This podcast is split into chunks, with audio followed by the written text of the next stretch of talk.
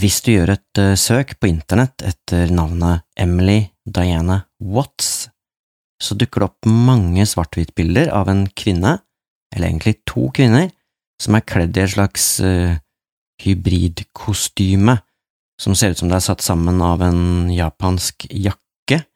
Uh, denne jakka ser ut som en judojakke, og så har de på seg en slags uh, bukse.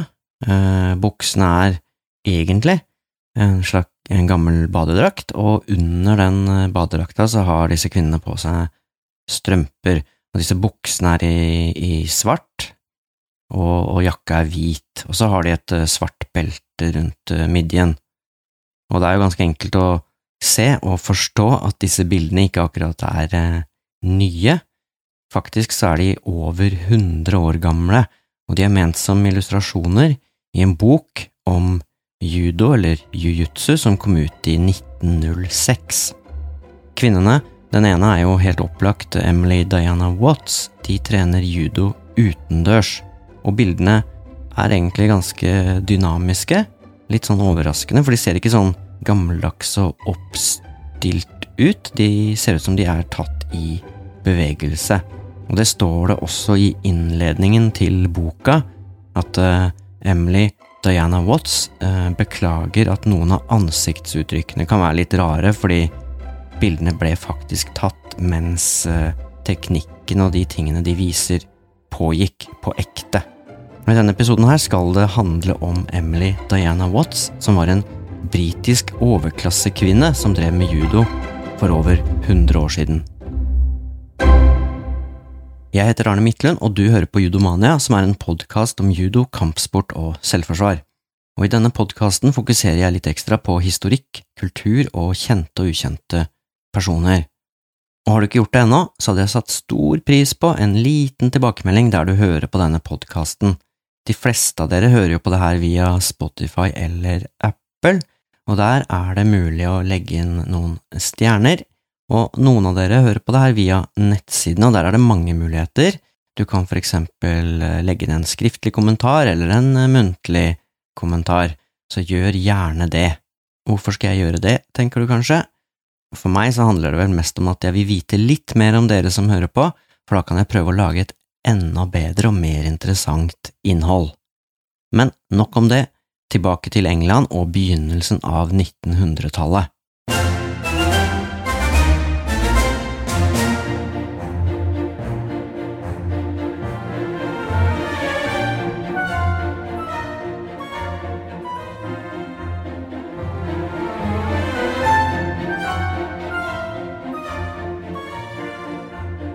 Det er ikke alle som opplever å bli 101 år gammel, men det opplevde faktisk Emily Diana Watts. Hun ble født i 1867, og hun døde da i 1968. Og hun var blant de aller første judoinstruktørene i den vestlige verden. Emily Diana Watts var på ingen måte en arbeiderklassekvinne, hun tilhørte den absolutte overklassen. Og når man er født inn i en rik familie i det viktorianske England, så er det mange muligheter for å drive med andre ting enn det å jobbe for å skaffe tak over hodet og mat på bordet.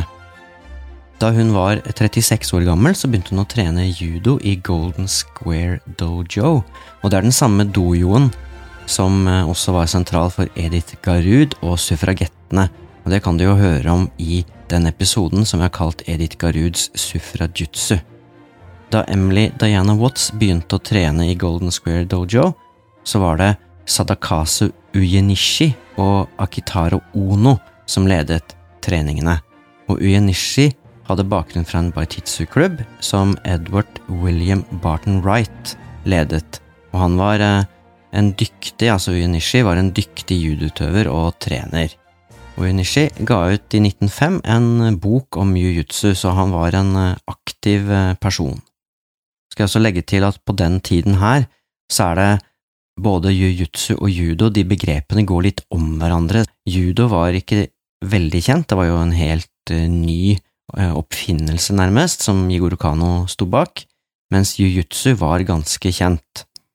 Og utvalget av teknikker som han trente på i for eksempel England, var en blanding uansett. Flere av de japanske instruktørene hadde jo trent både judo og jiu-jitsu, og når de kom til Europa, så brukte de kanskje de teknikkene som var mest spektakulære, og som på en måte ga størst, eller førte til størst interesse. Så i denne episoden så bruker jeg begrepene litt om hverandre, og det gjør man faktisk i, i kildene som jeg har lest også.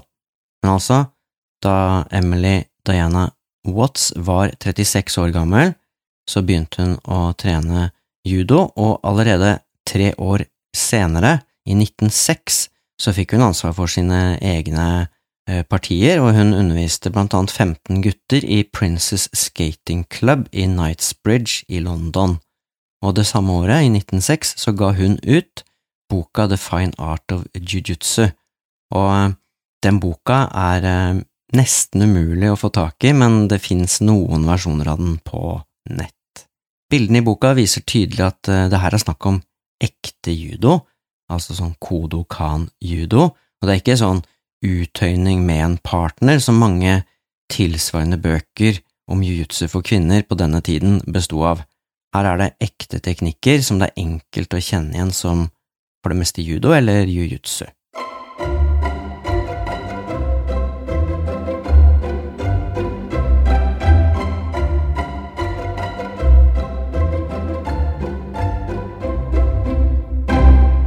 Dette var også første gangen en kvinne sto som forfatter av en bok på engelsk om jiu-jitsu, eller judo, og dette ga boka en dimensjon som ingen andre bøker hadde hatt tidligere. Og I tillegg så var jo interessen for disse mystiske japanske kampformene på topp i 1906, for da var det nemlig sånn at uh, Russland og Japan hadde vært i krig med, mot hverandre, og Japan vant denne krigen og det skapte en interesse rundt dette mystiske asiatiske landet. I tillegg var det jo også sånn at Igor Kano og hele det japanske samfunnet var interessert i hva den vestlige verden hadde å by på, og kanskje like mye hva Japan kunne by den vestlige verden på. Så i 1906 lå forholdene som aldri før til rette for en kultur- og idrettsutveksling mellom England og Japan.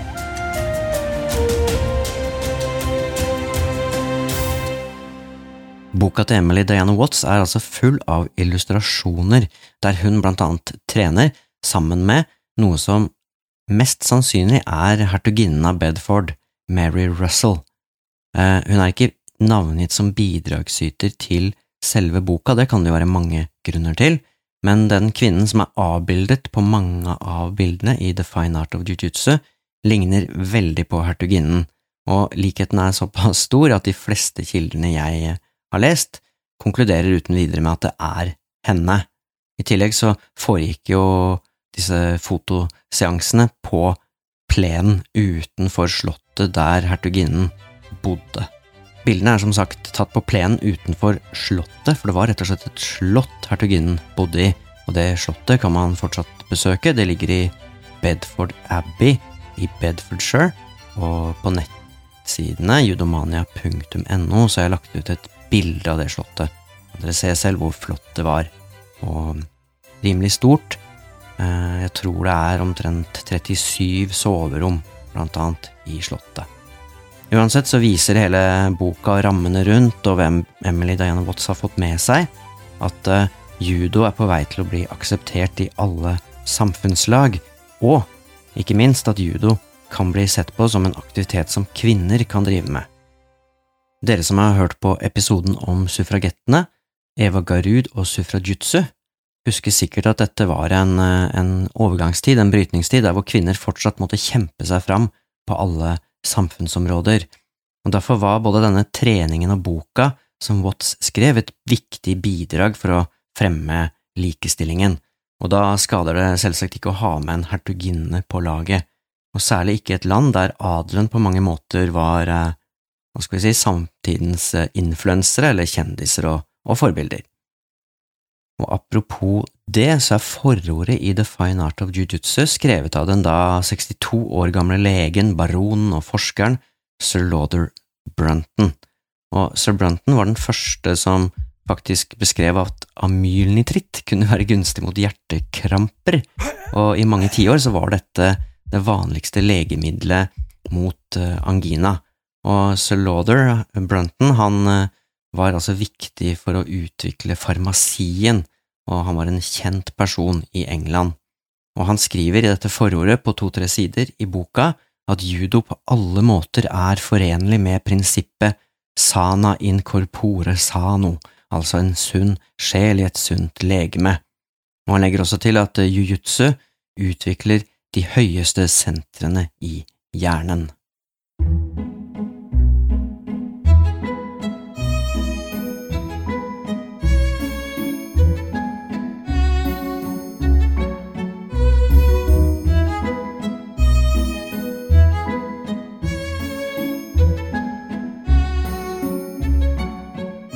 Watts var på ingen måte den eneste kvinnen i Storbritannia som drev med judo og jiu-jitsu, men hun var helt klart den rikeste. Og i og med at Emily Diana Watts er forfatter av boka The Fine Art of Jiu-Jitsu, så blir hun også en autoritet på tema selvforsvarsteknikker og trening. For sånn er det gjerne at hvis du skriver en bok, så vil jo folk nesten automatisk mene at dette har du greie på.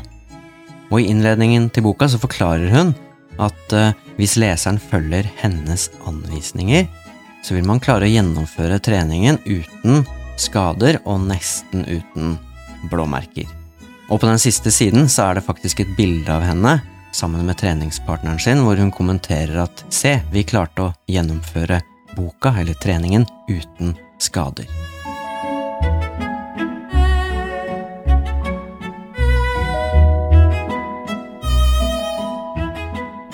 I denne boka så forklarer Watts på en eh, for meg ganske overraskende tydelig måte hvordan teknikkene skal utføres. Så her er det levende beskrivelser og tydelige forklaringer og litt humor.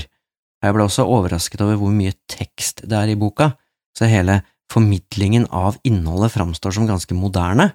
Men Watts er som alle andre også et produkt av sin tid, og på side 107 i boka så er hun veldig tydelig på at det hun underviser i, er den edle formen, the fine art of jiu-jitsu. Hun skriver at hun ikke har til hensikt å bry leseren med den ekle formen for jiu-jitsu, altså the gross form of jiu-jitsu, eh, det vi ville kalt for bakkekamp. Hun skriver videre at det er vanskelig å forestille seg noe mer røft og lite elegant enn bakkekamp.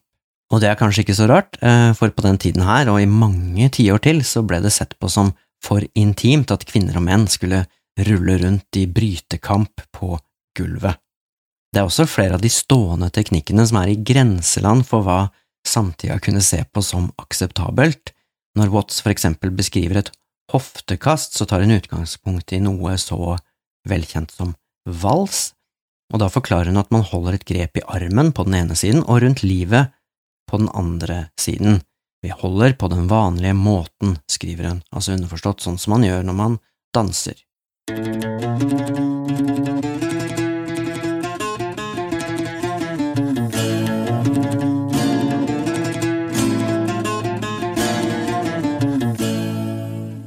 Emily Diana Watts var opptatt av å stadig lære seg nye ting. Hun fortsatte å trene judo, men hun følte at det også var andre aktiviteter som kunne trenes på, og som på en måte hang sammen med de japanske kampformene.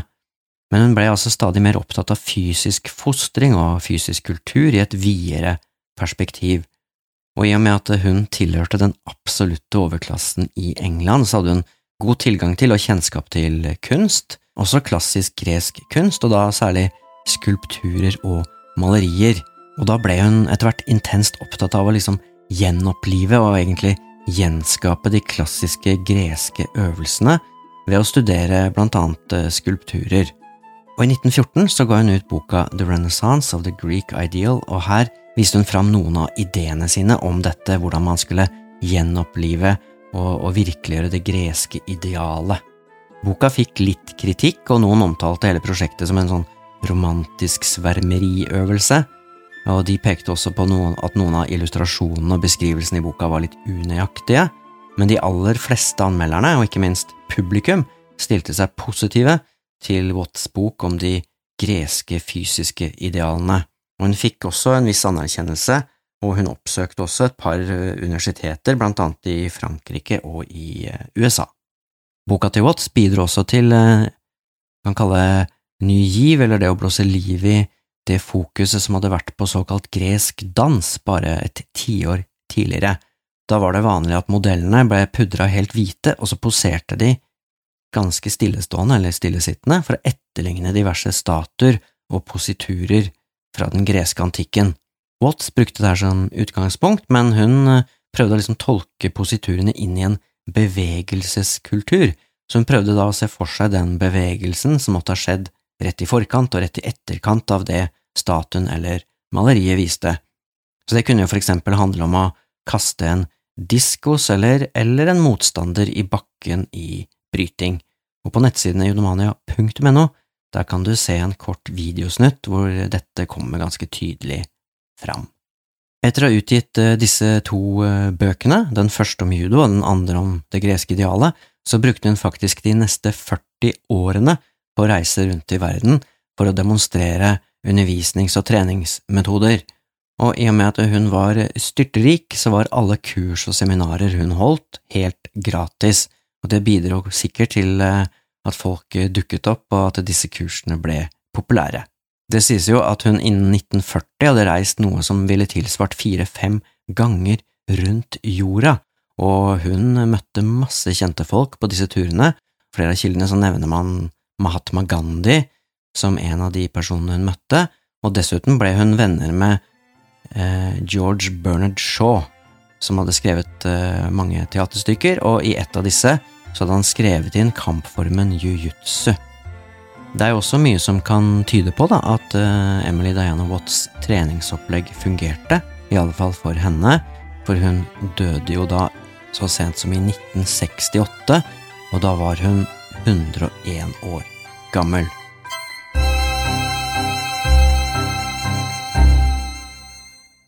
Da nærmer vi oss eh, slutten av denne episoden. Har du noen kommentarer, innspill, vet du noe om Emily Diana Watts som ikke jeg har nevnt? Kom gjerne med det, du kan kommentere mange steder, for eksempel på nettsida judomania.no podkast.